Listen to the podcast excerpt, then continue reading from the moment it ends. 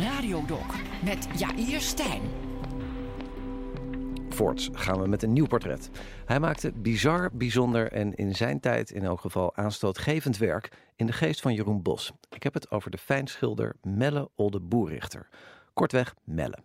Vanaf 2 april is in Amsterdam een kleine tentoonstelling te zien van zijn van zelden vertoond werk van Melle op de benedenverdieping van de Amsteldijk 62. In het huis waar de schilder zijn hele werkzame leven een atelier heeft gehad, zijn 40 van zijn vroege werken te zien.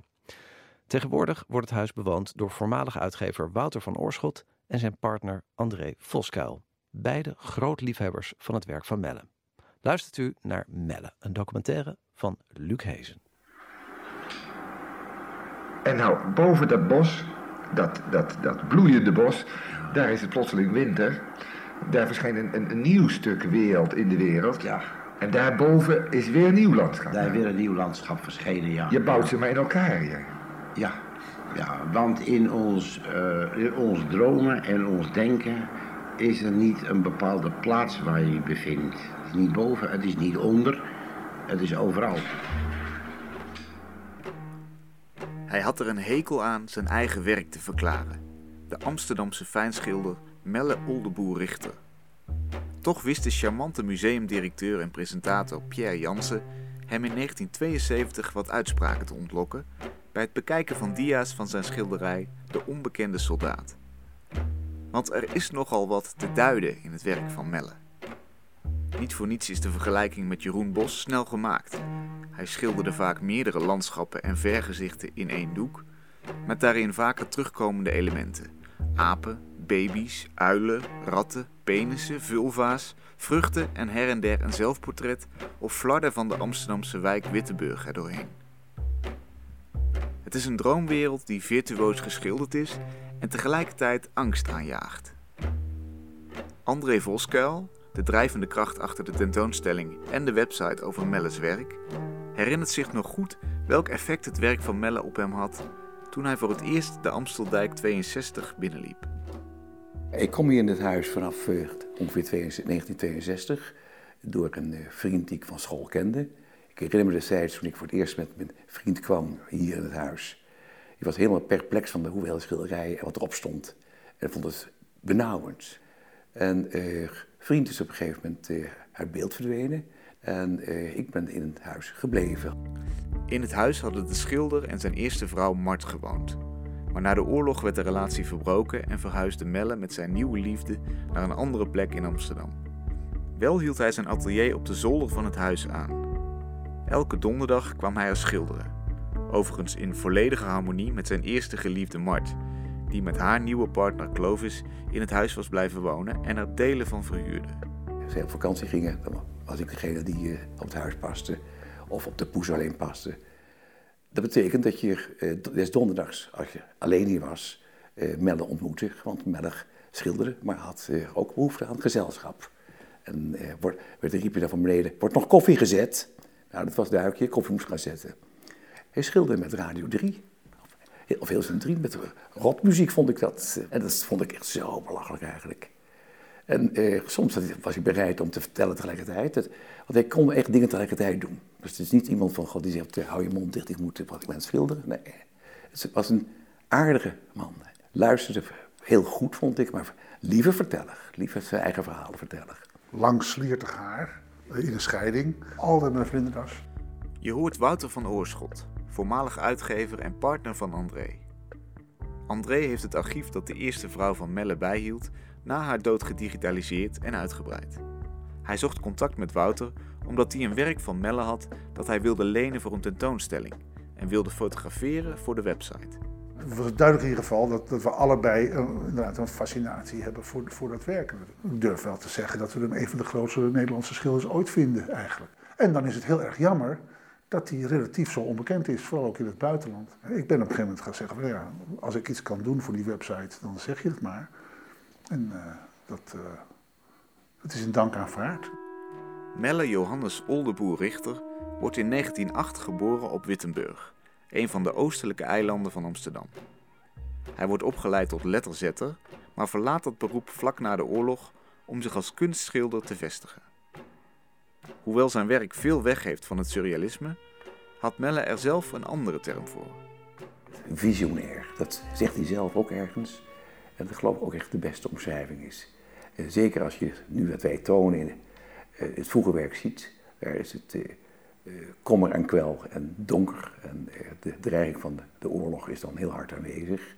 En gaandeweg wordt dat vrolijker. De, qua kleuren zie je al vrolijker wordt. En dan komen dan de seksuele annotaties voor. Inderdaad, de geslachtsdelen vliegen je om de oren. Een slappe piemel die gelaten tussen de heuvels ligt, een man met een eikel op zijn kop, een koolmees met een immense erectie, vulva's in glas- en loodramen of gewoon los zwevend door de lucht, ga zo maar door. In de strikte jaren 50 stelde niet iedereen dat op prijs. Willem Sandberg keurde bijvoorbeeld in 1955 twee doeken af voor een tentoonstelling in het Stedelijk Museum vanwege aanstootgevend naakt. En Freudiaans georiënteerde psycholoog C. Boas van den Ende waagde zich op afstand en in een openbaar tijdschrift aan de diagnose dat Melle wel seksueel gefrustreerd moest zijn.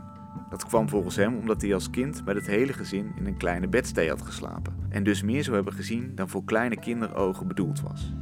Melle zelf zei er niets over. Blijft te staan de eigen interpretatie. Volgens mij is het niet erotisch, puur als, ja, als object. Of om kijk eens wat, er, wat de wereld doet. Het is alleen maar voorplantingsdrift. Het idee van vroeger we gaan strijden voor het vaderland of het arbeids is beter om een plan van de arbeid te hebben. Dat is helemaal verdwenen eigenlijk. Marty heeft later gezegd: het is waarschijnlijk de tragische aanwezigheid van de mens op aarde. Dat we eigenlijk net zo doen als de vogeltjes die elkaar roepen, een nest bouwen, paren en voor de rest van de tijd hun jongen tevreden geven. Eigenlijk is het bij Melle altijd zo dat wat met, met volwassen mensen te maken heeft, dat is eigenlijk altijd treurig, uh, monsterachtig, lelijk. En alles wat met de natuur te maken heeft en kinderen is altijd heel erg mooi en lieflijk geschilderd. Dit is de bovenkant? Ja.